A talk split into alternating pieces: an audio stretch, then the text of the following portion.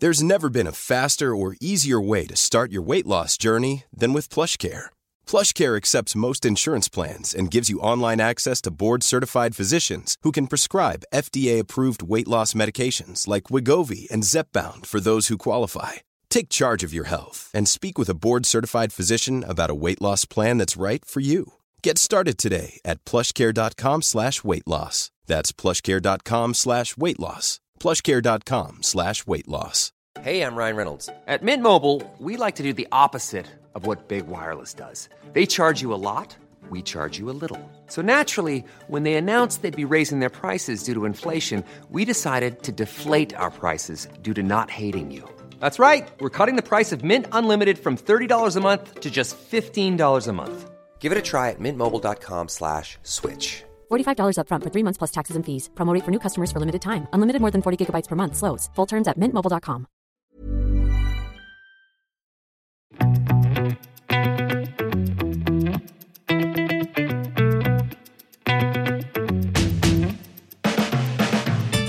I dag skal vi endelig snakke om eh, Rolex. Merke alle snakker om, i hvert fall i disse dager, og merke alle snakker om kanskje i hvert fall siden 50-tallet. Man kan si det på den måten. Før den tid også, men det skal vi sikkert komme litt tilbake til. Eh, Rolex, er det ditt eh, favorittmerke, Jon Henrik? Nei, det er vel kanskje ikke det. Men øh, jeg har absolutt kjempemye respekt for Rolex, og, og det er jo øh, ja, Jeg kan vel nesten si at det er klokkeverdens kanskje viktigste merke på mange måter. Det må sies, det. Så, men noen sånn personlig favoritt, det er det ikke. Nei. Jeg må si jeg har eh, en stor eh, fascinasjon, og så er det noen ting som eh, også faller litt sånn irriterende, sånn eksempel at du ikke åh, jeg får ikke tak i den klokka jeg har lyst på. Men uh, alt det her skal vi snakke mer om, fordi du hører på Klokkelandslaget, en podkast fra Finansavisen i samarbeid med tidsson.no. Uh, om du liker det du hører på, så må jeg bare anbefale, anbefale å abonnere. Og det gjør du jo på de stedene du hører på podkast, rett og slett. I dag så har vi med oss Barry Kagiat fra Rolex Forum, på Rolex Forum Norge på Facebook, da, som er en eh, Facebook-gruppe med 6300 mange medlemmer. medlemmer. Og man kan jo ikke nekte for at Rolex eh, ikke bare er et viktig merke på verdensbasis, men veldig populært i Norge også. da. Og Barry er jo da en av eh, vårt lands største entusiaster, det må sies. Så Ja, det er jo takk. veldig gøy. Så det er herlig å ha deg i studio. Takk, Takk. for at du ville komme. Takk, like måte. Ja. Rolex. Vet alle som hører på, jeg vil anta at de vet litt hva, hva det innebærer. Men uh, hvis man skal liksom gi sånn pitch på merket, men kort historie, hva ville du gjort da? For folk som liksom ikke har hørt så veldig mye om Rolex, kanskje bare sette på armen til noen en gang? Uh, Rolex er jo en toolwatch, som det kalles. Det var jo egentlig ment for at uh, før i tiden, så før de fikk en del samarbeid med en del kjente skuespillere, og, og at det ble kjent i Hollywood osv., så, videre, så var jo egentlig Rolex en toolwatch. Det skal brukes. Du skal bruke den som enten som dykkerklokker, eller uh, i forbindelse med racing, med Daytona. Så eh, Rolex er, skal være kjent for å være solid. Uh, De fokuserer veldig mye på craftsmanship, håndverk, og at eh, de er presist. Det er noe de også har eh, kommer ut med garantier osv., med pluss-minus eh, to sekunder. Så de er solide, solid, og det er en stor hype om dagen på Rolex. Og det er jo derfor veldig mange er blitt veldig på en måte interessert i klokken. Dessverre på både positiv og negativ så er det blitt en del investeringsobjekter, da. Enkelte Rolex-modeller. Mm. Og det skaper vel litt sånn, det er vel delte meninger om dette investeringsaspektet blant eh, medlemmene deres? Det stemmer. Eh, vi, har veldig, vi er en mangfold av forskjellige folk. eh, og folk som har samlet på Rolex i, ja, i hele sin p- Mm. Og så har vi nye interesserte medlemmer som har eh, nettopp eh, sett en Rolex via disse kjente sosiale mediene, hvor eh, forbildene deres med store fotballspillere som går med Rolex osv. Og, så og de blir jo selvfølgelig bitt av den her basillen, og dette her må vi ha. Men det er jo ikke så enkelt, som du, hadde, som du nevnte, Nikolai. Det er, det er ikke bare å gå inn i AD-butikken og spørre om den Rolexen du har lyst på. I hvert fall hvis du skal ha en sportsstålmodell. Så, Ja, sånn men eh, Rolex er eh, i vinden, selvfølgelig. Det har vært det, og det, det vil jeg si at det er eh, det største veksten har vært de siste fem årene. Det er sikkert av supply and demand også, at folk har lett etter klokkene, og det er bare tomme hyller i alle butikker i hele verden. På de enkelte modellene, og også eh, til og med gullmodeller og de som er helt ukurante i, i sånn sett, er også utilgjengelig. De, de fem årene de sammenfaller litt også med hvor lenge du har drevet den gruppen, gjør det ikke Ja? Den, startet i- eh, vi startet opp gruppen i oktober eh, 2016. Eh, Da var det Lars Petter og meg som eh, Det var han som opprettet selve gruppen og tok kontakt med meg og spurte Barry, du er jo en ordentlig entusiast og har eh, en ordentlig på en måte forkjærlighet for eh, Rolex. Og da startet vi opp den gruppa der. eh, Tok inn de jeg kjente mest i kontaktnettverket mitt. og og etter hvert så vokste vi ganske mye, men vi har holdt det ganske eh, profesjonelt, holdt jeg på å si. Eh, vi ønsker ikke å ha sånn, eh, forskjellige debatter om ting med alt mulig fra moms til eh, momsdiskusjoner til eh, Her har vi holdt oss til ordentlig klokkeglede ved å ha en Rolex, og ved å ha en, på en, måte en slags forkjærlighet for du, Rolex. dere prøver å styre liksom, hva skal jeg kalle det, interessen og debatten inn på noe konstruktivt, versus det som bare blir sånne perpetuelle diskusjoner. Ja. Ja. Det blir mye, så har jeg litt sånn med vilje over tid også prøvd å ikke få gruppen til å være en sånn ren kjøp og salg-gruppe også. Det skal være en entusiastgruppe, hvor jeg ønsker å få frem alle medlemmer som har kunnskap i alt av både vintage-klokker og nyere, moderne klokker. Eh, Men er det veldig sånn at de som er medlemmer, er det mest eh, Rolex-samlere eller Rolex-entusiaster, eller er det også litt eh, folk som har litt mer generell klokkeinteresse, tror du? Eh, Den siste tiden så har jeg lagt merke I starten så var det veldig mange av disse klokkekjennerne og disse som har gått inn i klokkemiljøet. Men litt og litt så har jeg sett at de har falt litt fra. Både fordi kanskje de har mistet litt interessen pga. den stadige prisveksten som det er på den hobbyen de var så glad i. Og klokkene var så lett, og egentlig mye lettere da, i sin tid, å skaffe. Men nå så må de også ty til å gå i bruktmarkedet, og den der eh, prinsippsaken å punge ut to-tre-gangeren i forhold til hva de kan gjøre fra butikk, Ja. Det sitter langt inne for disse klokkekjennerne, da, disse For, eh, hvis vi skal illustrere for de som lytter nå, da. Eh, hvis man har lyst på denne grønne Rolex Submarineren, altså Hulken mm. hva den, den eh, Starbucks? Nye? Ja, den nye. Men jeg, jeg tenkte også på, nå tenkte jeg spesifikt på den gamle, da. Ja. Den ble jo så, gikk ut av produksjon eh, for ikke så veldig lenge siden. Ja. Men da var prisen i butikk, Da var den på rundt eh, 80 000. og nå ligger denne prisen på. For hvis man skal skaffe den uh, Ny fra butikk. eller nå, hvis man skal skaffe den ny, men uh, brukt, da. Altså ikke fra butikken, men du må skaffe den på noe annet eh, vis. Oh, ja, ja. Hulken har jo ligget Den har jo blitt eh, såkalt disk-utgått-modell. Ja, ikke. Eh, Så den gikk jo ut i 2020. Det var vel de, en av de siste som gikk ut da. Eh, Og da var jo Hulken eh, Ja, det lå rundt 150 000, egentlig. Og nå har de bare steget eh, enda mer, over 200 000, etter at den ble discontinued. Så det er en, det er en mangeganger, for å si det på den Ja. måten. Og det kan, jo- man skjønner jo at det kan skape litt frustrasjon.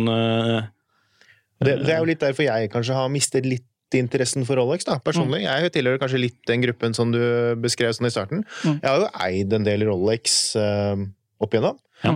Og, men, men for meg så var Rolex alltid litt sånn Rolex har jo alltid vært et kostbart merke, Mm. og i forhold til det, det man fikk, da, sånn, og kanskje sånn i, i forhold til For jeg, jeg, jeg har en veldig generell klokkeinteresse, Mm. så i forhold til det man fikk, så, så fremsto det kanskje ikke som sånn veldig value, selv det å kunne kjøpe en ny butikk, som jeg også har gjort ved noen anledninger. Eh, Mm. Så var det liksom en litt sånn splurge, da, en litt luksus man tok seg råd til. Så når det da har kommet til enda høyere over en pris som jeg i utgangspunktet tenkte, tenkte var ganske høy, så har det liksom blitt helt sånn Mm. Gått litt over i å være uaktuelt, da. Og Mm. Så har man selvfølgelig også gjort mye sånne dumme, i ettertid dumme salg og sånn.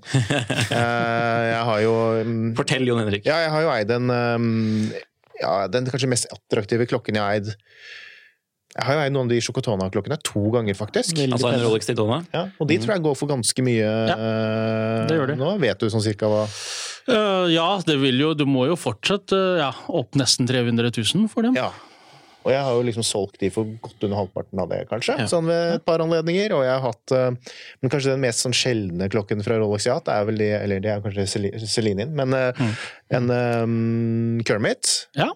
Som jeg solgte for uh, 32 eller 35 000 eller noe sånt. da. Og Kermit er en Og det var jo langt under, langt under det en ny svart sub kostet i butikken også på den Ja, ja. tiden, for det var ingen som var interessert. Altså, Nei, nei. det var jo Noen som ja, det er en kul liksom, jubileumsklokke, og den er kul og grønn, og sånn, men det var liksom ikke sånn veldig interesse rundt det. Ja, ja. Så det var liksom godt under retail på en vanlig Ja. svart sub på den tiden. da. Men ting har forandret seg. Kanskje du skulle prøve deg på bitcoin-investering istedenfor? Ja, ikke Ja. sant? Kanskje, kanskje det.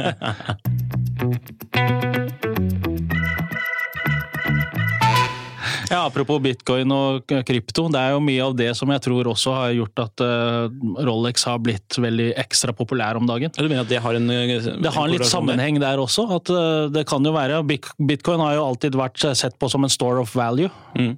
Og jeg ser jo på Rolex nå også som en slags store of value, som gull og, osv. Det er veldig mange som da Man leser jo en sånn artikkel fra Kina nå om at eh, folk istedenfor å investere på eiendommer nå, så skal de investere på luksusklokker, og deriblant Rolex-klokker eh, også. Så, Hvor lenge tror vi dette kommer til å vare? For det, nå har det jo vart det, jo, det begynte jo for kanskje sånn, fem, omtrent fem år siden, som du nevnte. Mm. Og hvor, hvor lenge tror vi det her skal vare? Alle sier jo i alle slags kanaler så sier jo det at den bobla skal sprekke, men Men det føler jeg har lest ganske lenge også. Ikke sant? Det er Minst like lenge som det har foregått. Jeg har en litt sånn alternativ løsning, eller eh, sånn um, hypotese på det. Jeg, tror det er, jeg tror Rolex må bli ukult. Ja. Jeg tror det er der det ligger. Det, må Ja, det kommer til å gå i Det må bli, når, når, det er så, når det er så mye Når det blir så mye fokus på pris, når det liksom har nådd og, og prisen har blitt så høy, og, og det har blitt så mye Rolexer rundt på håndledd til unge, hippe folk som altså, det, det er litt sånn derre døgnfluegreie, da. At det da Når det slutter å bli kult, Mm. Så tror jeg det begynner å normalisere seg. Men jeg, jeg vil jo tro at liksom, core-gruppen av entusiaster fortsatt vil synes at det er kult. ja, ja, ja. det vil jo Men- alltid men, være. Men når jeg mener jeg er kult, altså for jeg, for jeg, Ja, Du mener kult blant uh, altså, ja, jeg tror det er en del jeg tror jeg, bredere termer? Jeg tror en del av den prisveksten som vi har sett, er, det har vært drevet av ehm, folk, folk kjøpere som ikke nødvendigvis er de tradisjonelle klokkekjøperne, men som kanskje liksom har litt penger mellom hendene, da, og så ser man noe som er kult, akkurat som de syns at de nye joggeskoene er kule, eller de nye et, Altså at det er litt den samme sånn hype- hype-kultur, da. At det har smittet litt over i det. Og når det slutter å bli kult for den gruppen unge, pengesterke, veldig sånn trendbevisste folk, så tror jeg det, man, man kommer til å se det i, i prisene. Men samtidig som Rolex har hatt en eh, altså, voksende ventelister, voksende interesse, bla, bla, bla, så har jo interessen for klokker generelt, mekaniske klokker med spesifikt, Mm. også vokst. Mm. Med relativt, uh, i, i relativt stor grad. Jo, men det er en veldig skjevhet, da. Sånn Ja, i men forhold det, til da, de det fører meg til spørsmålet og- Hva blir det neste? Mm. Skal, de, skal disse nye interessentene forsvinne fra klokkeinteressen? Skal de begynne å fokusere på håndlagde sko istedenfor? Eller blir det et annet merke som får oppmerksomhet? Vi har jo sett at, at, liksom, at, det, at jo, jo større Rolex har eh, vokst seg, jo liksom mer har det dryppet ned på andre merker. At de også har fått eh, mye Men der igjen så tror jeg det har Pandemien har jo så å si slått eh, positivt for Rolex. For eh, i forbindelse, med pandemien som det har vært nå, eh, så føler jeg at alle disse microbrandsene og alle disse merkene de blir jo kjøpt opp til en av de større eh, Swatch Group og Richmond Group og osv. Hvor Rolex også har da fått mer og mer eh, på en måte nye medlemmer, si, eller nye eiere. da. Og jeg vil tro at eh, Rolex har bare økt i, i merket, eh, både fordi de har vært veldig flinke på marketing. De har, eh, veldig, de har fått mye ekstra Jeg vet ikke om dere har fått med, det er jo selvfølgelig den der eh, Tiffany Blue uh, Oyster Perpetual, som uh, også har gått helt til værs uh, si, i slutten av fjoråret. Dette var jo da en serie med veldig fargerike urskiver på, på Oyster Perpetual-klokkene til ja. Rolex, som kom på Basel-messen i fjor. Nei, de kommer i 2020 sammen 2020, med nye, nye Submariner. Ja, Ja. ikke sant. Og hvem skulle trodd det, det? Det virker jo som om Rolex prøver også å tilvenne seg den der yngre øh, øh, gruppen, da. Mm. Uh, for der, hvem skulle trodd at store NBA-stjerner går med fargerike Oyster Perpetual, som er entry model til Rolex? Da klarer du virkelig å hype opp et men jeg, jeg, tror, men jeg tror det der er litt sånn tilfeldig, da. Jeg, tror ikke, jeg, tror, jeg, har ikke den troen på det at det sitter noen i Sveits og har tenkt ut det der. For jeg har mer følelsen av det at Rolex at de prøver å pushe Tudor inn mot den gruppen. Mm. Og at det gjør, gjøres en veldig innsats nå, eller har blitt gjort ganske lenge, da, med mm. Tudor. Å pushe det nesten kanskje der hvor nesten der hvor Rolex kanskje var før. Det stemmer. Og... For Tudor er jo søstermerket til Rolex, eller dattermerket, blir det riktig å si. Av Rolex. Ja. Uh... Og de har jo, Tudor har jo lyst til å egentlig det har jo, Jeg har lest artikler om det, om at de har lyst til å ha sitt eget identitet, egentlig. Mm. Mm. De har lyst til å fange den der interessen for, ja, som du sier, eh, litt andre grupper mennesker. Jeg kan jo se, jeg kan jo se ønsket for det, men det er jo sinnssykt mye av deres DNA som er basert på Rolex. Hvis du ser på gamle Tudor-modeller, så de, har de jo samme kasse. Yes. Det er bare ja. urverket som i større grad liksom var forskjellen. Mm. Da, for at Tudor skulle være et budsjettalternativ til Rolex, da, for de som ikke kjenner til bakhistorien der. Ja. Mm. Men uh, ja. Det, det, må jo sies at det er svært lukrativt å ha en viss connection til Rolex. Det, det må sies. Ja. Men Tudor gjør jo veldig mye riktig også, spesielt etter at uh, Uh, Davide Serrato, uh, som vi er stor fan av, si, som, uh, ja. som, som refreshet da, Tudor ja. med Black Bay-linjen. Når var det den første Black Bay kom, Jon Henrik? Ja, det husker jeg faktisk ikke. Det er en god del år siden, men da den kom Men det startet vel sånn rundt 2005-2006-2007, den Tudor-innsatsen med, med, Tudor. For den pågikk jo over en del år, og det mm. startet jo egentlig for alvor med den kronografen, Heritage-kronoen, vil jeg si. Det var da ja, liksom, man så det skiftet, skiftet, fra Tudor som bare var um, Veldig alternativt, nesten? Ja, veldig sånn, sånn ikke, ikke, så veldig europeisk, da. Nei, man sånn visste ikke helt hvor det gikk uh, designmessig. Uh, til å bli litt mer sånn gå i egen historie og, mm. og gå litt tilbake til den Rolex-linken kanskje litt igjen, selv om ja. de kanskje sier at ikke de, ikke de men du så har det jo vel kommet med noen spennende modeller, sånn som disse 58-versjonene, som har bare vært superpopulære. Veldig populære, ja. Men de, der har det jo vært sånn, der har jo interessen gått veldig høyt opp. Ja. Og så dabbet litt av. sånn Nå kan man skaffe seg disse klokkene yes. med relativ enkelhet. Men det er kanskje noe med noe at det er tilgangen er mye bedre ja, også, da? Og det er det jeg tror de gjør, da. At de istedenfor å Istedenfor å kanskje de har mer muligheter for å booste produksjonen på mm på, For det foregår mye av det på andre fabrikker også. Ja. De har muligheten til å booste opp produksjonen der, men kanskje ikke på, så enkelt på, på Rolex. Mm. Og så når man i tillegg har den der eh, ekstreme forskjellen mellom eh, retail-priser og eller veiledende priser og mm. hva man faktisk ser folk er villige til å betale for, da, så er jo liksom, vet jeg ikke helt om de egentlig helt vet hva de skal gjøre, hvordan de skal håndtere det. Ja. Det er litt tricky. Det er veldig tricky, vil jeg anta. Det er, det er noen uh, business-strategifolk uh, der som uh, sikkert får nok arbeid. Ja. Også dette med priser og sånt også. Det virker jo som om Rolex ikke klarer å på en måte øke prisene i forhold til den økningen som er i annenhåndsmarkedet. Men vil de det? For det kan, det kan hende at ikke det er bærekraftig? Det også. De ønsker å ha en eksklusivitet ved det. Mm. Og det jeg hørte nå sist, da jeg var hos en AD, er at eh, det er ikke bare bare å øke produksjonen heller. For Nei. de som skal lage dette her, de menneskene bak dette. Og maskinene, for den saks skyld. Og maskinene.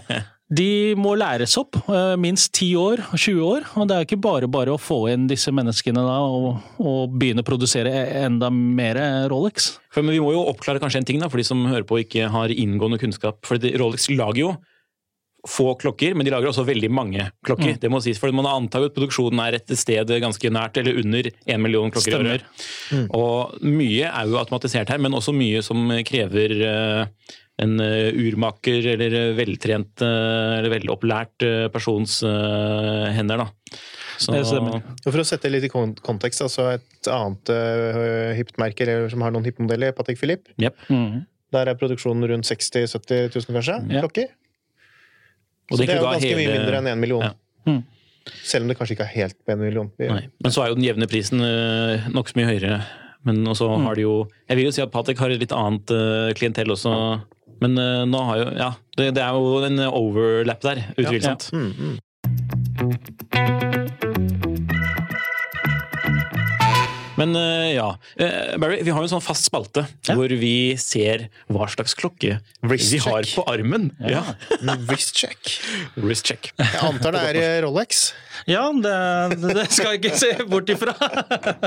Det, er, det måtte nok være en Rolex, for det er jeg jo veldig glad i. Eh, Det jeg har på armen, er jo en klokke som jeg har hatt i snart to år. Eh, Og det er eh, en eh, såkalt GMT Master 2. Ja. Den er jo, det må jo sies at dette her, dette her er jo den perfekte reiseklokken, holdt jeg på å si, hvis man En pilotklokke. en Ja. pilotklokke for den Den er jo, det stammer jo fra Pan Am i sin tid, hvor Rolex prøvde å lage en uh, to-colored, uh, bi-colored uh, bezel. Ja. For å kunne konstatere både dag- og natt-tiden på den. Og det er en klokke som uh, Og så ga de den en ekstra viser som kunne vise Opptil tre forskjellige opptil tre forskjellige tidssoner, ja. Stemmer. Så ja, dette her er jo egentlig en viderefølelse fra, fra min fars eh, 16750, hvis du sier deg noe, Nikolai. Ja, Vi får se om er sier dere lytter nå også. Det er jo Min far fikk jo gave fra min mor i 1985, året jeg ble født. Eh, Da ga min mor eh, en såkalt GMT Master uten to. Mhm. Eh, 16750. Min personlige favoritt. Ja, godt å høre. Eh, og det kjøpte Det har vi jo sett fortsatt kartoteket fra Aden, og at eh, den betalte min mor 6250 Ja. i Og nå koster den 1985. tilsvarende Tilsvarende vil variere alt mellom 120 til 150 000, avhengig av hvilken skive du har osv. Det må jo sies at dette er en svært vakker klokke. Mm. Som, den harmonerer på, på i hvert fall øyet mitt. Og det, dette her nå, som jeg har på hånda, er jo en eh, videreførelse av det. Dette er den mer moderne maxikassen, som det kalles eh, for Rolex. Og det er jo egentlig Alt har blitt på en måte gjort større. Vil jeg si. Men siden jeg har egentlig ganske store håndledd, så passer den meg, føler jeg. Eh, De har jo holdt seg til 40 millimeter, men kassestørrelsen generelt er jo tjukkere og litt bredere enn de gamle vintage-klokkene. Så, så jeg vil jo si at jeg har jo brukt den kontinuerlig og vært en sånn slags one watch guy i snart to år, fordi jeg egentlig har gått litt smålei av klokkegamet en periode, og det må jo være lov å si. Det må lov å si. det. Vi går opp og ned. Opp og ned. Så, men den har vært eh, trofast følger i to år nå, så det har jeg vært veldig fornøyd med. Og jeg digger den fortsatt, og det er en sinnssykt fin farge på den. Når det er sånn forskjellig lysvinkel, så har den en veldig sånn dybde i den blåfargen. Og bare disse moderne klokkene, Nikolai, eh, så er det egentlig forskjell til og med nå. På, den kom jo ut i 2018. Men helt fra 2018 til nå så har den kommet til og med i tre versjoner eh, på Bessel. Fordi Rolex har ikke helt fått dreisen på dette med Nei, med har folk lagt merke til, blåfargen. eh, Ja. blåfargen ja. Og det var et problem ganske lenge, og kanskje en av de grunnene til at ikke Pepsin kom tilbake tidligere. Mm, stemmer. For du så jo det, den kom jo først med, med sånn eh, Pepsi Bessel, kom jo på den i hvitt gull. Ja. Der er jo fargene Lilla rett og slett litt off. For vi må jo si at det er, jo, det, var, det, var, det er mye enklere å sette farge på en Bessel i aluminium, eller stål, da, eh, enn eh, i keramiske materialer sånn som denne. Stemmer. For her har du jo lagt på den rødfargen helt i bunn, Mm. og så har de prøvd å få på plass den blåfargen ved å legge på oppå den. Men Det var eh, jo litt morsomt, fordi Hublå har jo også, mm, med et helt annet merke, har driver jo på mye med sånn teknisk keramikk. Mm. Og det var vel på Basel muligens ett eller to år før Rolex uh, lanserte den. Så hadde jo de noen klokker som var i blant annet rød og Eller hvor de mikset, det må jo ha vært at de mikset, Ja. kombinerte. Og da hadde vel eh, Jean-Claude eller noe gått i Rolex eh, der og sagt eh, Ja, sjefen for Hublå, da. Mm. Og en legende i klokke... Sånn der, hvis du vil ha noe hjelp, så er det bare å ringe. Ja. Så, det er jo en spicy kommentar, da. Det er morsomt. men de har jo fått det til, da. Men, men, men det er også veldig typisk Rolex, det du nevner der. Det å gjøre veldig sånne gradvise endringer uten, uten at man kanskje blir eh, opplyst om det. Sånn, Mm. eh, det skjer jo sånn i sånn, sånn Ja. Ja, folk elsker jo å gjøre parallellen til Porsche med 911. ja. Ja. Med Små detaljer. oppgraderinger. Ja, men, der, men, men her er det jo veldig sånn i det skjulte. Ja, ja, sånn, eh, ja. på, Veldig på en del sånne ting. Og det er litt morsomt. Da. Det gjøres det jo- selvfølgelig på biler også, at man gjør små oppgraderinger underveis, men eh, Men her kan du jo allerede merke selv på de moderne klokkene i maxikasse, sånn som f.eks. Hulken, da, som ble um, discontinued. Mm. Der så vi også gjennom årene at det var små forskjeller i fonten på teksten også. De, de gjorde en del endringer der. Eh, Så det Hvis du virkelig legger merke til og begynner å studere klokkene du har, så kan det være små og minimale forskjeller som du kan være forskjell fra en annen. Og noen eh, samlere vil jo ilegge mer verdi til visse av disse variasjonene enn andre Bergens. Mm, ja. Så Og det det kan å- hypes opp på den måten. ikke sant? Så det er mye for Rolex-entusiastene å eh, sette tennene i. Ja. Men når det kommer til små oppgraderinger også. Det er jo morsomt hvor lite et, bare en, liksom et Tiffany-stempel på utskiven eh, kan, Kan utgjøre for interessen. Yes. Og det er jo fiffig, og det er naturligvis ekstra fett å ha en med Tiffany. Altså en sånn, det er jo en eh, kjent eh, retailer i New York, eksempelvis. Mm. Ja, det var i hvert fall Det var i kult. hvert fall, ja. Ifølge Jon Henrik Haraldsen. ja, men eh, ja, ja, hva er det du har på hånda da, Jon Henrik? Ja, vi skal kjøre full runde. Ja, vi kjører full runde. Ja, jeg har ikke Rolex. Det sa jeg jo, for jeg, har, jeg er jo faktisk ikke den eneste Rolex. Eh, Siste jeg Rolex jeg hadde, solgte jeg for ett eller to år siden. Mm. Og det var jo ikke engang en sånn sportsmodell. Nei, det var jo en sånn Skal vi eh, sende over den klokken til? Bare igjen. var jo en fiffig Men du har jo en svært eh, lekker greie her, Jon Henrik. Jeg ser jo Sånn, allerede nå, nå. eh, Et alternativ til den hulken, da, eller hva vi snakket om? Ja, ja. Det er jo klokker som koster, eh, i hvert fall i bruktmarkedet, kanskje nesten like, omtrent det samme, eller noe sånt. da? ja. Og her er det jo Dette er ikke sveitsisk engang. Nei, det er min tyske lang 1815 updown. Ah. Dressklokke. Mm. Hvitt gull. Vi- Sølvfarget skive. Nydelig. Veldig, Utrolig vakker. eh, Litt sånn inspirert av gamle sånne marinekronometere. Mm. Mhm. lom- Lommeur. Ja, det, er, det er altså Det, det er jo øh, Ganske slank. tysk finmekanikk, Og urverk på, som er synlig gjennom Ja. Nydelig. rett og slett. Det er jo mye flott som kommer ut av øh, denne byen hvor Langonsønne holder til. Ja. Absolutt. I Tyskland. Og 1815 Updown må jo synes å Det er jo mange som har den som øh, en sånn øh, en sånn bra Altså en av sine favorittklokker fra det merket, er det ikke det? Jeg føler det er en sånn veldig god entry til Lange. Ja. Uten å liksom kjøpe de helt rimeligste, så er det liksom litt opp. Det er litt opp, og så er det litt mer enn bare en enkel eh, sånn uh, trehander. Litt, litt mer som skjer, i og med at man har den uh, For det liksom det er ikke det mest åpenbare valget fra merket, for det, det, da vil man heller tenke Ja, det, er det, 1. det er det faktisk litt ulike oppfatninger er om. Fordi hvis man, ser, hvis, man ser på, hvis man ser på for seg Lange fra 1994, hvor det ble relansert, mm. selvfølgelig Lange igjen, da vil det kanskje stikke seg frem som den klokken som er Riktig. selve Lange. Men hvis man ser på, går tilbake til det gamle Lange, så er jo den stilen her litt mer sånn øh, Sånn som man ser på lommurene og, og sånn det var før, da. Ja. Så det er liksom to, to, to smaker av, av Lange.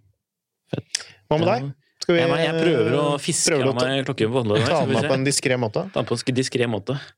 Jeg har jo da på meg min Det er jo en av de første klokkene som eh, hva skal jeg kalle det, boostet eh, interessen for min del. Det er jo en eh, vintage eh, Omega. Helt enkel time only, eller med og en liten sekundviser. Eh, Med, Så- med patina og matchende Med masse patina og en Ja, matchende nydelig. rem som er kjøpt naturligvis på markedet, på bruktmarkedet i Genéve. Eh, Men klokken den er faktisk eh, fra min bestefar, som kjøpte den når han var eh, i Tysklandsbrigaden etter eh, krigen. Mm. Så Det var kanskje ikke Tysklandsbrigaden het, beklager, men eh, det var i hvert fall når han var eh, med det norske forsvaret der eh, etter krigen. da. Så han kjøpte seg den for å, for å feire at han var blitt fenrik, om jeg ikke husker helt feil. Så det er jo litt morsomt. Det er sånt klassisk eh, 30 T2-urverk på innsiden da manuelt opptrekk, for de som interesserer seg for slikt. Og så er det pleksiglass foran nå. Så det er Det er virkelig i vinden, eh, disse vintagene. Særlig på en annen klokkegruppe som jeg er på også. Ja. Eh, Der er det en kompis av meg som nettopp kjøpte seg den Pipan. eh, Ja, riktig. Det er jo litt senere. Ja, Dette her, senere. er, her er jo fra 40-tallet, faktisk, selv om den ble kjøpt på 50-tallet. Ja. Så Omega har jo en sånn bra eh, sånn bra, hva skal man kalle det, eh, vintage-avdeling, eller med sånne folk som jobber på museet, som også kan sjekke opp historiene på de enkelte klokkene. Men uh, man kan søke opp uh, nummeret og se på produksjonsår Ja. uh, gratis.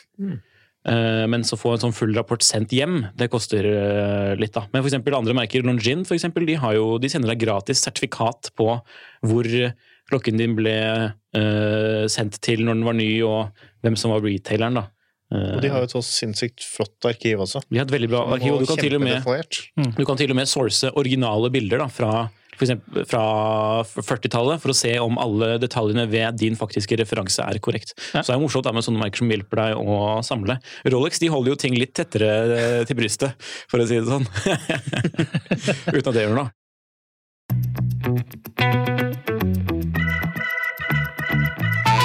Men Barry, Ja. jeg, tror det, jeg tror alle lurer på er hvordan kommer man på venteliste?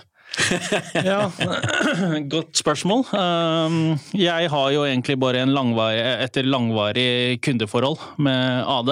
Mm. gjort Og AD er da autorisert forhandler. Ja, autorisert forhandler. Um, Der har jeg jo bare på en måte holdt uh, kontakten uh, jevnlig. Kjøpt klokker. Uh, og bare vist en, på en en slags uh, ja, entusiasme rundt uh, hver klokke man kjøper. Og, og har bare egentlig holdt den kontakten uh, i, i helt siden uh, 2016. Så så, så det hjelper å være hyggelig, med andre ord. Ja, det gjør det.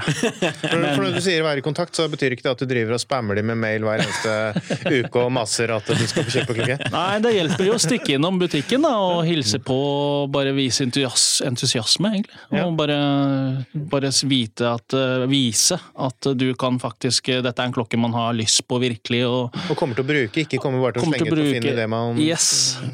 henter den ut. Ja. Og særlig den her eh, 1267 1110 BLRO som jeg har her nå. Eh, mhm. Det er jo en veldig sånn ettertraktet klokke. Mm. Men jeg har brukt den daglig i to år, fått mine battle scars, som det kalles. Så, og men holder seg fortsatt fint. Og det er jo, som jeg nevnte, det er en toolwatch, og det skal brukes. Og det er veldig synd å bare ha den i en safe og kalle den en safe queen. Den andre du har der, den er ikke så veldig toolwatch. Nei, den er, jeg har jo hatt eh, ja, Hva skal man si? Den eh, reisen til den klokken her, hvorfor jeg anskaffet meg den her, er jo egentlig noe jeg har på en Skal en vi ta den over her, så kan vi kanskje se lenge Ja. under uh, Dette er jo da, For de som lytter på, så er det jo Bare en på eh, Rolex eh, Daytona på gummirem i gull. I flott Oyster gull. I en sånn slags neo Paul Newman dial. Ja. Eh, jeg har jo gjort mine research på den, og jeg har jo sett også at eh, alle vet jo at eh, den mest Det dyreste klokken som ble solgt nå i aksjon, er jo den Paul Newman-klokken som Paul Newman selv har hatt. I 2016 var det vel den ble solgt for 100 og 17,8 millioner dollar. ja. Så de, Jeg har jo sett på de gamle versjonene av de gullversjonene av Paul Newman Dials. Og det, det fine ved, ved dette, ved researchen jeg har gjort, er at Paul Newman er jo egentlig skuespilleren i seg selv. Eh, Men egentlig i Rolex i sin tid eh, lagde eksotiske dials, exotic dials. Og, og det ble gjort, laget av en eh, manufacturer av, uh, av skiver som heter Singer. John Singer. Og John Singer eh, og den eh, selskapet der, de lagde jo disse eksotiske skivene. Og tro det eller ei, i sin tid så var ikke disse her populære blant eh, kjøperne i, sin, i den tiden. Veldig mange ville ha de ordentlig originale Rolex-skivene, litt sånn kjedelige skiver, da. Ja. Og hvem skulle trodd da at i ja, begynnelsen av 90-tallet så begynte folk da å hamstre inn disse skivene som ikke var så populære i den tid. Og har i etterkant kalt det Paul Newman fordi han også har blitt avbildet med en Paul Newman-skive. Så Det er, det er jo, hvis man skal eh, virkelig eh, være kul på en auksjon, så kan det jo komme da være en av de som kommer med en sånn en, sånn, en hel katalog, eller en sånn frimerkebok nesten, med masse Yes. små eh, singerskiver og prototyper og alt Helt mulig. rått. Hvis jeg skulle nevnt til deg nå, Nikolai, eller Jon Henrik, eh, hvis jeg skulle sagt eh, 6241, PN, Ja. JPS, 14K, ville det sagt noen noe for dere? Eh, nei. 6241 er jo en Daytona i sin tid, en firesifret Daytona. Eh, der fantes det både i stål og gull. Når, Eh, hvilken, hvilken, hvilken årsperiode var dette? ja, da snakker vi sånn rundt uh, 60-tallet. Ja. Uh, 6241 ja, rundt 60-70-tallet. Um, og der var det jo sånn at uh, den modellen her uh, så faktisk en artikkel om det, at en sånn komiker, kjent komiker i USA, Ellen DeGeneres, kjøpte seg den her via Amsterdam Watches, som også samler på vintage. Riktig. Den klokken her er jo en gull modell. Og den 6241 er jo ref-nummeret til den Daytonaen, i gull denne gangen. Mm. P1 står for Paul Newman, fordi det er en exotic dial i sin tid. Ja. Og JPS er jo John Player Special. Uh, John Player er jo tobakk-sigarettforretningen, uh, som da drev og sponsa Lotus uh, i Formel 1. Og Arton Senna har jo også vært og kjørt for eh, det merket. Mhm. Og det fine er at eh, 14K det er 14 karat istedenfor 18 karat. Og det var egentlig de modellene som ble solgt i USA, for da ble det solgt i 14 karat. Uh, Hva, hva var grunnen til det? Det er et godt spørsmål. Eh, Jeg tror egentlig det at i Europa så var man litt mer lettere tilgjengelighet, kanskje. Må- mm. Eller kanskje er jeg litt usikker på de, hvorfor de lagde den kun i 18 karat, eller 14 karat i USA.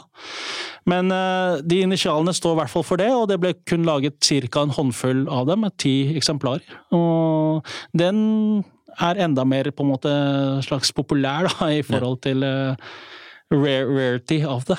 Så, Så her har, du, liksom- her har du prøvd å pønske ut og se om dette faktisk kan være litt sånn moderne versjon av dette. Da, ja, og det er nettopp ja. derfor de kaller det Paul Newman, fordi fargene på dem er fra den John Player-sigaretten eh, som du ser. Det er den samme designet.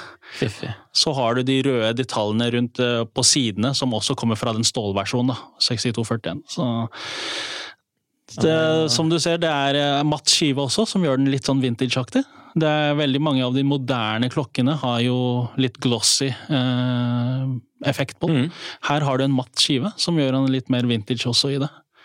Så det, alt handler om eh, detaljene Ja, ja, ja. når man samler på Må jo Rolex. geeke meg litt i det der. Og det, må jo, det er Vi, vi elsker det vi hører, så så det er jo interessen som har gjort at jeg falt for den skiven her, og jeg uh, meldte interesse for den uh, for en stund tilbake. Så Veldig, veldig kul. Det er bare, altså Igjen, samme som med GMT Master 2. Det er bare en klokke som harmonerer for eh, øynene, hvis man eh, liker uttrykket. Og det er jo et veldig sånn eh, eh, som kan favne mange også. Mens på f.eks. noen eh, lange modeller så blir det litt uh, særre. Og noen Rolex-modeller for den saks skyld. Og noen Omega-modeller. Og Og, noen Rolex-modeller. og noen Rolex-modeller. Ja, noen... Ja, ja, så avgjort, så avgjort. Men eh, for det, det, det, det er jo sånn, vi har snakket litt moderne Rolex, litt, eh, litt, ness, litt sånn småvintage eh, også. Men når man ser på Rolex før 60-tallet, før de begynte å få disse store eh, hitsene da, som nå har blitt eh, altså i kategorien sportsklokke, har du noe interesse for eh, tidligere Rolex? Fordi Rolex ble jo startet av eh, en mann som virkelig kunne markedsføring. Det må kunne sies. ja, det er jo fortsatt en stiftelse, ikke sant? Ja, jo- Hans Wilstor. Wilstor. Ja. Stemmer. Eh, nei, jeg har jo vært borti en eh, klokke som var Som en kompis av meg kjøpte, og det var vel en tidlig 40-tallet, hvis jeg ikke tar feil. Og det ligner veldig på de andre, sånn som den du har på armen. Mm. Ligner en på en sånn small seconds dial under, og da har du eh, en precision-serie. Og er ordentlig vintage, det også. Og dette er med, med, med, med det automatiske verket. Nei, der var Nei. det manuelt trekk. Så eh, det er greit å vite også at sånn som Daytona også, blant annet, de var jo kun manuelt opptrekk mm. frem til eh, de fikk det automatiske eh, verket sitt eh, i sen 70-tallet, egentlig. Riktig, riktig. Ja, så det er, jo- det er jo, hvis man, hvis man vil, liksom, vil se etter eh, litt rimeligere Rolex, og så kan man jo se mot eh, slike, fordi de er jo ikke like populære uh, som de moderne. Jeg vil jo si at alt har begynt å bli Bare så lenge det er en Rolex på klokken, Ja, ja. så har den begynt så Men relativt sett. Ja, stemmer det. Ja. Du har jo også disse gamle Prince-modellene også, som er veldig Ja. Nå skal det sies at Rolex har gjort mye De har jo innovert, og i hvert fall- i hvert fall kjøpt opp eh, patenter og inkludert dem i sine produkter eh, og vært gode på det. Det handler litt om denne markedsføringshjernen til eh, grunnleggeren. Ja. Men eh, de var jo blant de første med automatisk kurverk også. Ja. Så det er eh, historie og mye bra markedsføring i eh, Rolex. De har vært flinke til å henge seg på altså på å være på knaggen, liksom Formel 1-kjøring, som vi har vært inne på en del nå. Og om det, skal, om det så skal være svømming. De var jo en av de første til å bruke ambassadører med, den, med en, sånn, med en britisk eh, kvinne som uh, svømte over uh, den britiske kanalen, f.eks. på Mm. 20- eller 30-tallet. Tror det var 20-tallet. Eh, hvor, hvor de da utstyrte henne med en vanntett klokke som skulle tåle den strabasiøse svømmeturen, for å si det sånn. Så Og i moderne tid også så har jo Rolex lenge vært den, det klokkemerket som har brukt mest penger på markedsføring. Markedsføring. Og med en ganske god margin. Jeg vil jo si at sånn som de er hovedsponsor i tennis, du ser jo det i alle de tidsstakerne hvor lenge de har spilt kampene. Det står jo en svær Rolex-krone, og, og du har jo det i Formel 1, ikke sant. Det, golf også, tror jeg, hvis jeg ikke tar feil, så har de også begynt å Ja, ja. merke. Så det er, eh, de er flinke på, Yes. på det, men nå har også sosiale medier hjulpet ekstra til på den markedsføringen. Og det at uh, watchspotting er jo helt annerledes nå enn det det var før, for nå er det lettere å watchspotte pga. de legges ut på sosiale medier. Så, Og det er altså da å se klokker på, på folk, og ta bilde av det Ja. helst. I, I det fri. Ja. Ja. Det var veldig gøy. Og så er det dette med historie med Rolex. eh, Du har jo disse comics også, eh, som også er jo Med en viss norsk connection. Yes. For de som ikke vet hva Comics er, så er jo det sånn, det dykker, er et dykkerselskap. Ja. Og på norsk sokkel så ble det veldig brukt eh, når man eh, hadde det store oljeeventyret. Ja. Så det er jo mange norske industridykkere som har eh, hatt Comex-klokke på, eller i hvert fall noen. Stemmer. Som har hatt, og de er jo ekstra ettertraktet, disse klokkene, Yes. naturligvis. Det er det. Men det må jo sies at det er jo sinnssykt fett da, med sånn liten Comex-print på urskiven, eller bare gravert på bakklokka, er det vel noen som Yes. også har, om jeg ikke husker helt feil. Stemmer. Ja.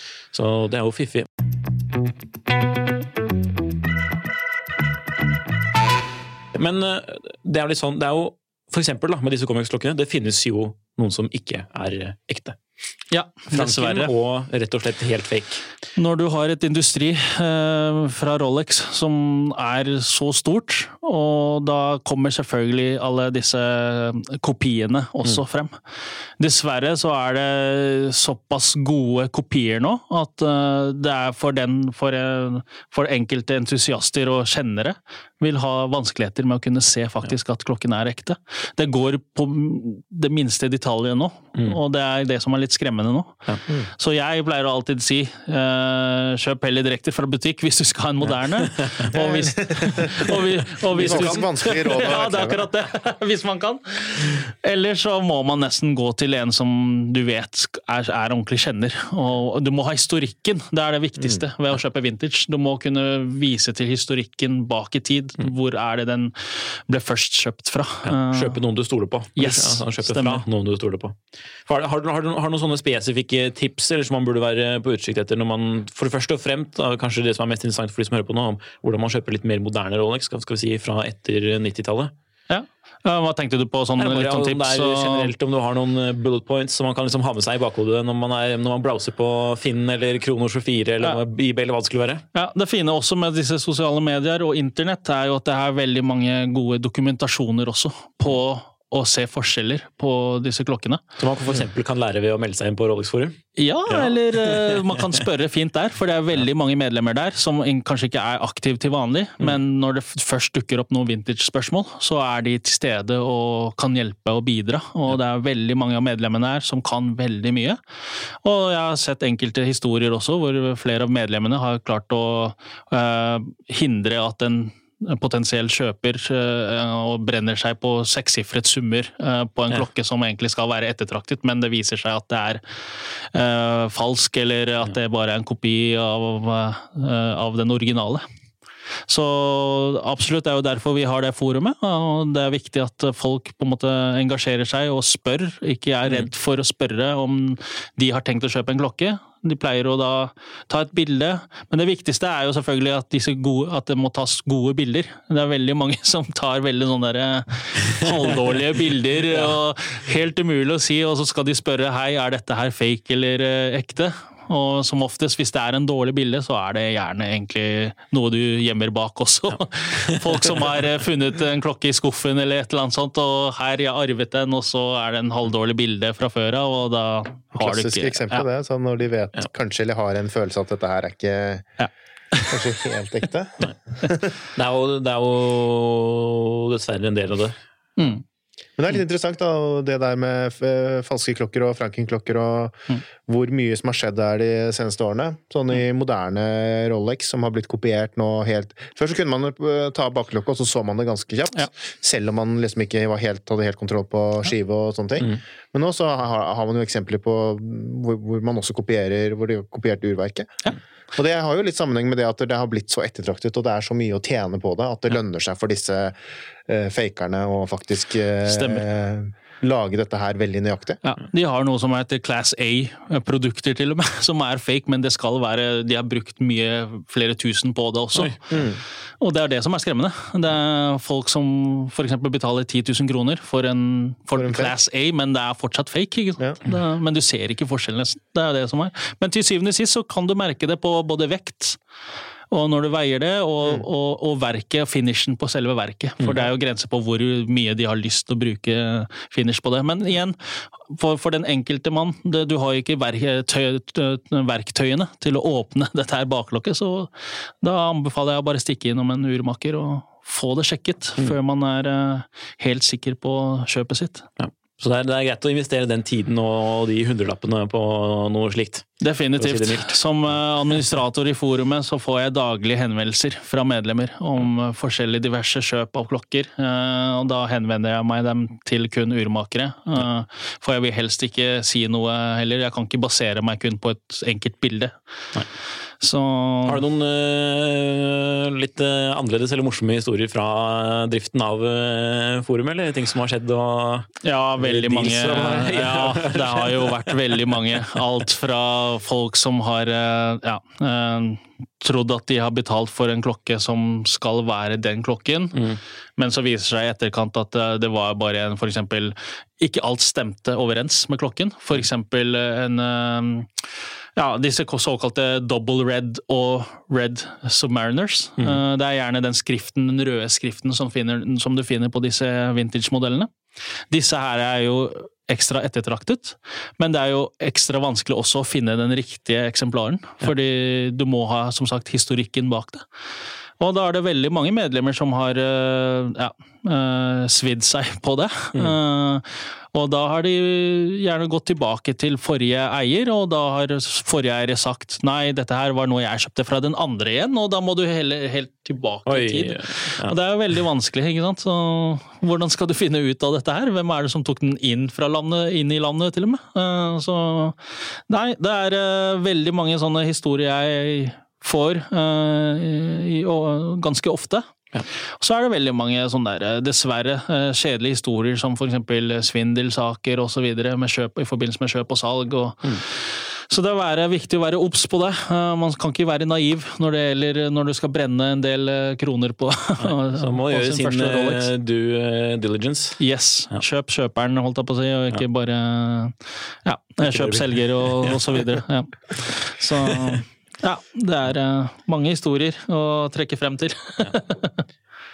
Det er øh, mye å lære om Rolex, så hvis man liksom interesserer seg, så virker det som om man burde melde seg inn i Rolex-forum hvis man ikke allerede er medlem og lytter på det her. Ja. Vi, vi har sånn, vi har enda en fast spalte, da, eller, ja. som, hvor vi prøver å snakke litt om hva som øh, skjer på markedet, litt sånn nye trender. Er, har vi fått øye på en ny, kul øh, klokke som vi selv er ute etter? Hva er det du leter etter for øyeblikket? Eh, nå er jeg jo litt inn i eh, hva som kommer. Jeg er sånn veldig glad i å kunne synse da, på hva som kommer det neste, noveltiesene. Ja. Fordi du vet aldri med Rolex egentlig, fordi de pleier å være flinke på teasere. Eh, de pleier å legge ut litt små teasere. Du vet ikke om det er faktisk er ordentlig lekkasje fra fabrikken, eller så er det folk som er veldig flinke med photoshoot. Men uh, nå de siste tiden så er det jo mange som har uh, Vi har jo ikke på Submariners, så har vi ikke sett en rosé-variant. Eh, så nå er det jo kanskje det har vært forbeholdt uh, Yachtmaster. ja, GMT har jo kommet med GMT, den root beer, helgull osv. Men Submariner har jo kun gult gull. Så kan jo tenke seg at det kan dukke opp noe der også. Eh, og så tror jeg det går jo rykter om at det er en ny Cellini uh, som kommer. Og så har jeg sett noen patenter, jeg vet ikke om det vil komme nå i årets Novelties, men det har dukket opp noen patenter fra Ro- Rolex, visstnok. Og da kan det hende at det kommer noen med Butterfly uh, Class Loss. Loss. Eh, det har de ikke ennå. Altså en lås som eh, åpner seg På begge eh, sider i midten. På begge sider Ja. i midten, ja. Mm. Så det er veldig spennende. Men eh, akkurat nå så har jeg, jeg sikler på en Skydweller. Det mest moderne, eh, på en måte mest tekniske og mest kompliserte eh, verket til Rolex per, nå, per dags dato. Ja. Så det er den jeg sikler nå på om dagen. Jeg har veldig lyst på den nye som kom i fjor med en jubileelenke på en Skydweller, og gjerne i blå, hvis man får tak i det. Så det får tiden vise, om jeg får faktisk tak i den. Ja, riktig, riktig. Så, men, ja, de er kule, de, eh, altså. ja, veldig kult. Og når man ser hvordan du faktisk bare stiller inn hele datoen og tiden og Mm. kalenderen, og, den har jo en annual calendar. For her bruker man Besel-ringen til å justere. Så. Jeg syns den er veldig kul. Den er fiffig, altså. Det er bare synd at det kanskje kan være litt for stor for mange også, for den er jo en 42 mm-kasse. Men eh, den har jeg hatt eh, virkelig sansen for, og det håper å være min neste som dukker opp. Ikke dumt. For eh, når, når er det man kan forvente nyhetene fra Rolex nå? Det er i 30. mars. Mars. Ja. Ja. Watches, watches Så da er det bare å følge med. Ja. Ja, spennende, for Det er jo alltid knyttet veldig mye spenning til det Rolex kommer med. og Ja. Mange som, eh, som du sa, prøver seg på Photoshop ja. for å se om eh, sine hypoteser kan gi mening. Ja. Men det er det som gjør det gøy også På, på dette her med klokkegamet. er jo at Det er gøy å synse litt, og vi, liksom, kan man ha litt rett? Hva er disse predictionsene som disse store sosiale mediene, kanalene, sier også?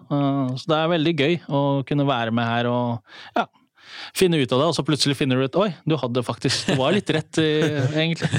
Litt rett.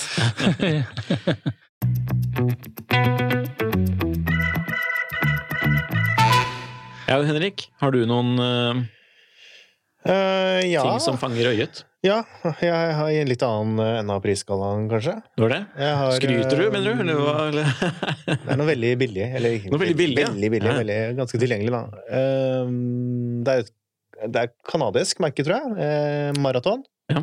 Mm. Som lager eh, militærklokker, eller de har laget mye klokker til, eh, til militæret, og har vel egentlig vært litt sånn Nesten Jeg tror, jeg tror mye av businessen deres primært har vært leveringer til private eh, Unnskyld, eh, til militære eh, kunder og, og sånn. Eh, men de selger jo også kunder til, eh, til Eller kunder selger kunder, nå bare uttaler jeg her. Selger også klokker til privatkunder. Mm. Uh, og de har en kvartsmodell som heter uh, Navigator. Yes. Som fet. eh, jeg har begynt å bli litt sånn småsjarmert over.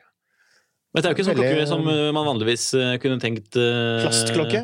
At du var så veldig interessert i? Ja. ja. Eller kompositt? er det vel Jo, men jeg er jo litt sånn Jeg, er jo litt sånn, jeg, jeg har jo litt sånn uh, fascinasjon for uh, billige plastklokker. Ja. Ah. Og dette er også en toolwatch, Så- men i andre enden av liksom En toolwatch, men den er toolwatch fordi den er så billig at den er replaceable Ja. når den ryker. Å, ja. Så det er en litt annen tilnærming enn at den bare skal vare og vare, men den er så billig at den, den holder, tåler mye, og når den ryker, så kjøper Den Den er vel bygget etter en, en spesifikasjon som det amerikanske militæret først sendte ut på 70-tallet, Ja, det tror jeg om jeg stemmer. ikke husker helt feil. For den har en, veldig, så- den har en sånn øh, veldig den har en, Ikke veldig, men noe karakteristisk urkasse. Litt sånn, litt sånn puteaktig Litt puteaktig, ja. Eller C-shaped, er det vel noen som kaller det også, men øh, Ja, okay. nei, nei, nei, beklager. Jeg, tar, jeg skryter. Det er, det er, det er, Den er egentlig litt mer D-shaped, nesten, fordi Ja. den går mer ut på På kass- kassen, Den er asymmetrisk. Kassen, asymmetrisk. Kassen fungerer liksom litt som eh, krone, kronebeskytter. Absolutt. Det er, en veldig fet klokke. Jeg liker den godt, jeg også. Så den er kul. Og jeg rocker jo ofte, veldig ofte, i hvert fall når jeg er hjemme og ikke sitter her og skal liksom pynte meg med finklokke, så Mm. Bruker jeg veldig ofte en eh, Victorinox eh, karbonfiberkvarts ja. tanks. når jeg er ute og slenger. Mm. Så mm, det er liksom en sånn klokke som kunne vært et, et et alternativ til den, kanskje. Ja. Så vi får se. Bra for småbarnsfaren som skal ut på strabasiøse ferder med vogn og, og bleie. Ja.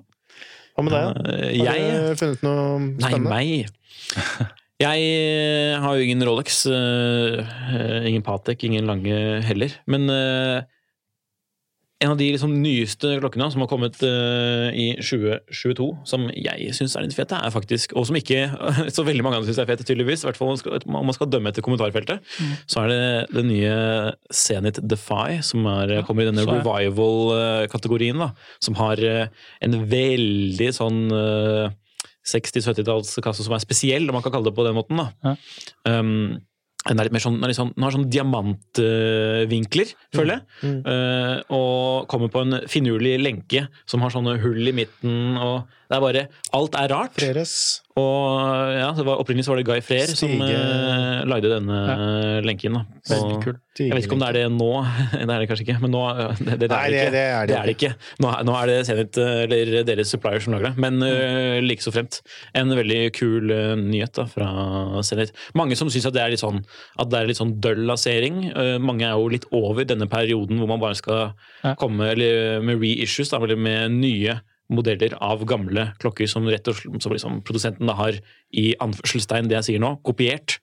Eh, så men jeg syns nå at den er kul. Og jeg tenker, jeg har jo sett disse klokkene på bruktmarkedet mange ganger og tenkt sånn "Nei, Ikke for meg. Og så koster den 4000-5000.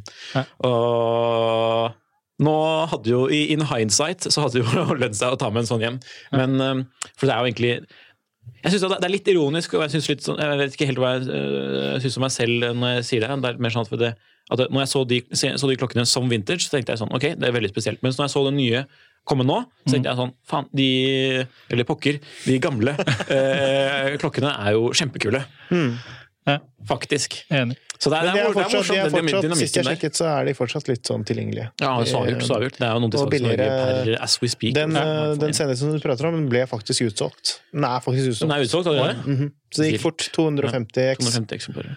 Man kan jo håpe at uh, man får noen av liksom, designelementene. Det som er morsomt, er at man finner noen av design- designelementene i moderne hublå også.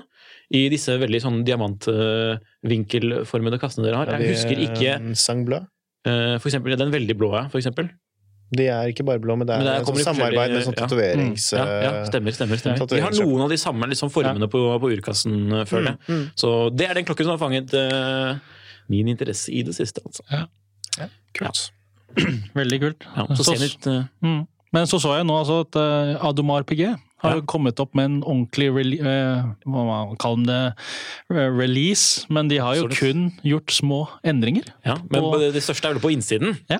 Men litt Stemmer. urverk i mange av klokkene der. Og så er det litt sånn, det er litt sånn, litt, litt sånn pyntet bitte litt på noen småting her og Ja. der. Mm. Eh, og det er spennende. Det er jo, Royal Oak-linjen er jo deres absolutt viktigste produkt. Stemmer. Og når den kom nå, så bare et par eh, dager siden, eller i går, når vi sitter her, Ja. var det vel, så ble det jo Det skapte jo stor oppmerksomhet. For det er jo en Ja. av de største produktlinjene i klokkeindustrien nå. nå. Og hvis vi skal snakke om et annet eh, like stort merke, er jo Patek også. De har jo holdt opp å si eh, tatt bort en del fra modellserien deres nå. Mm.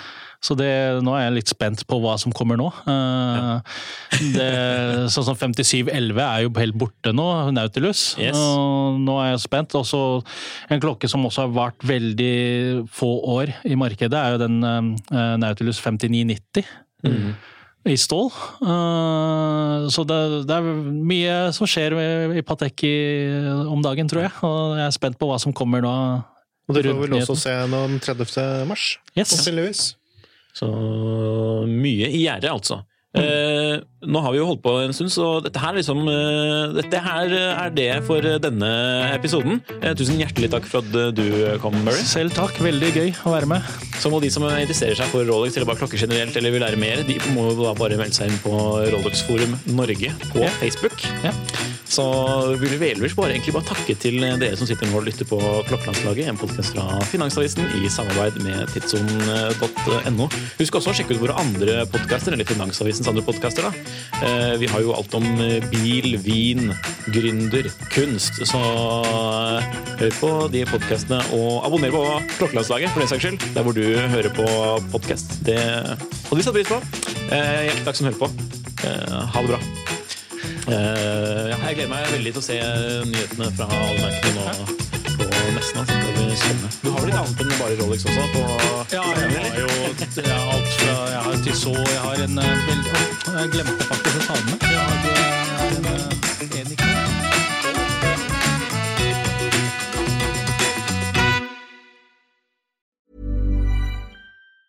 Planning for your next trip? Elevate your travel style with Quince. Quince has all the jet setting essentials you'll want for your next getaway, like European linen premium luggage options, buttery soft Italian leather bags, and so much more. And it's all priced at 50 to 80% less than similar brands. Plus, Quince only works with factories that use safe and ethical manufacturing practices. Pack your bags with high-quality essentials you'll be wearing for vacations to come with Quince. Go to quince.com slash trip for free shipping and 365-day returns. Hi, I'm Daniel, founder of Pretty Litter. Cats and cat owners deserve better than any old-fashioned litter. That's why I teamed up with scientists and veterinarians to create Pretty Litter. Its innovative crystal formula has superior odor control and weighs up to 80% less than clay litter. Pretty Litter even monitors health by changing colors to help detect early signs of potential illness. It's the world's smartest kitty litter. Go to prettylitter.com and use code ACAST for 20% off your first order and a free cat toy. Terms and conditions apply. See site for details. Klokkelandslaget er en Finansavisen-podkast i samarbeid med Tidso. Programleder er Nicolai Giel og Jon Henrik Haraldsen. Produsent er Lars Brenden Skram. Podkast- og videoansvarlig er Marius Mørk Larsen. Og ansvarlig redaktør er Trygve Hegnar.